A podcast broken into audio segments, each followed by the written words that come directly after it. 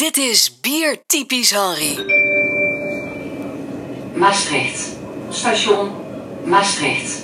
Aan de vooravond van carnaval, of vastelavond, ben ik afgereisd naar Maastricht. Om wat meer te leren over shoes. Misschien niet echt een biertype, maar wel een echt onderdeel van de Limburgse biercultuur. Ik sta hier eh, bij eh, David van Term, biersommelier.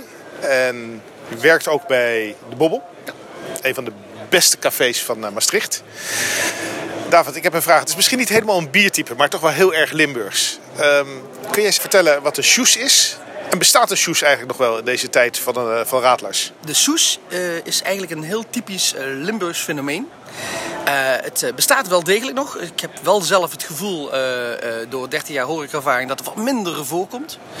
Ehm, maar wat is dan soes? wat je eigenlijk doet is je, ja, je tapt pilsner. En vooral lokaal bier, heel bekend bier, brandbier, is, staat bekend om wat hogere bitterheid. En dat werd nog wel eens een keer gecompenseerd door een klein beetje oud bruin toe te voegen. Een wat zoeter tafelbier. En ehm, dat, uh, nou, de soes, is, de soes betekent scheutje, van het Duits afgeleid. De eigenlijke bedoeling van de soes is dat je een klein scheutje in je lege bierglas doet. Daarna tap je daar een uh, pilsje bovenop. Dat zorgt voor enige kleurvermenging.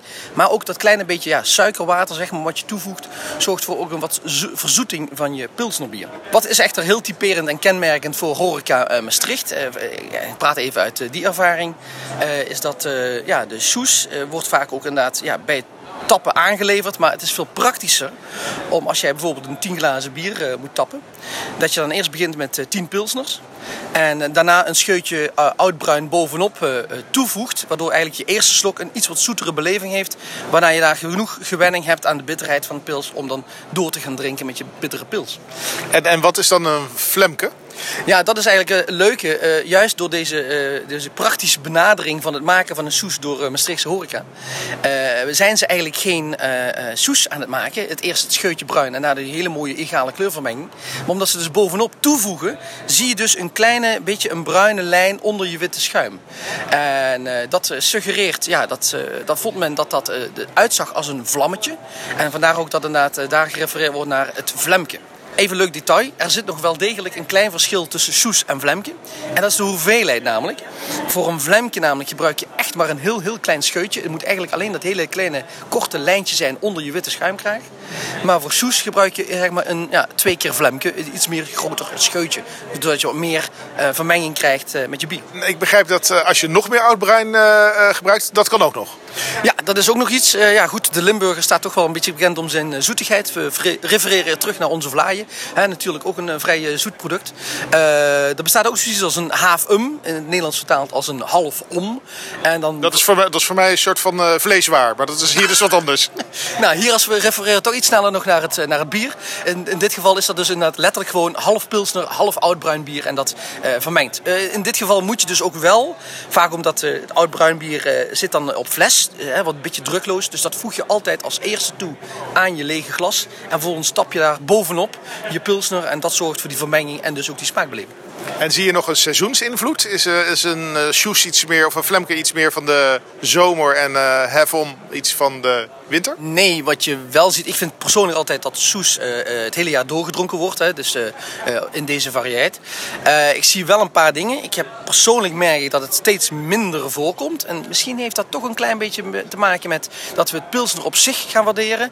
Of in een veel moeilijkere discussie is het pilsner nog altijd even hoppig als vroeger. De enige ja, seizoensinvloeden? Nee, ik zie geen seizoensinvloeden. Ik zie wel ook inderdaad als mensen eenmaal aan het pilsner gewend zijn, zoals hier in Limburg dan hè, met carnaval, waarin toch wat meer litertjes gedaan wordt, eh, dat dan eh, inderdaad minder om soes gevraagd wordt, omdat men toch eenmaal ja, het lekkere van het bittere bier wel apprecieert. Wat heerlijk om David zo enthousiast over de Limburgse biercultuur te horen spreken. En mooi om te weten dat er meer bestaat dan de soes alleen, maar dat je ook nog een flemke hebt. Of een hevum. Ik ben benieuwd wat onze nationale kampioen biertapper hiervan vindt. Pepijn, want ook die heeft een connectie met Limburg. Ik sta hier met Nederlands kampioen biersommelier Pepijn van der Waa. Pepijn, wat heb jij met shoes? Nou, ik vind het gewoon lekker. Het is een soort van guilty pleasure. Maar je bent toch een Amsterdammer? Dat klopt, maar ik heb ook wel ergens wat Limburgse nou ja, roots of achtergrond. Ik heb in Maastricht gestudeerd. En we hebben net van, uh, van David gehoord over uh, shoes, Flemke, Helvom. Helvom. Ik kan het niet eens uitspreken. Um, Helvum. Helvum. Eh, waar gaat jouw voorkeur eruit? Ja, ja dat, dat, wat David dan noemt, dat Vlemke met dus een, een, een, een mooi glas pils afgetopt met een klein beetje oud-bruin. Wat dan in Maastricht ook wel als sjoes wordt uh, besteld. Ja, dat heeft iets. Uh, een klein zoetje, toch een beetje bijna verwarmend. Soms een beetje die scherpe randjes van dat pils af uh, halend. Dat kleine zoetje. Nou, dat is, dat is, dat is lekker. En denk jij dat de sjoes blijft bestaan ondanks de opkomst van de Radler? Ja, volmondig ja. Het is iets heel anders dan Radler. En uh, ik vind dat we dit soort, dit soort ja, biercultuur uh, ook wel echt moeten, moeten uh, bewaken.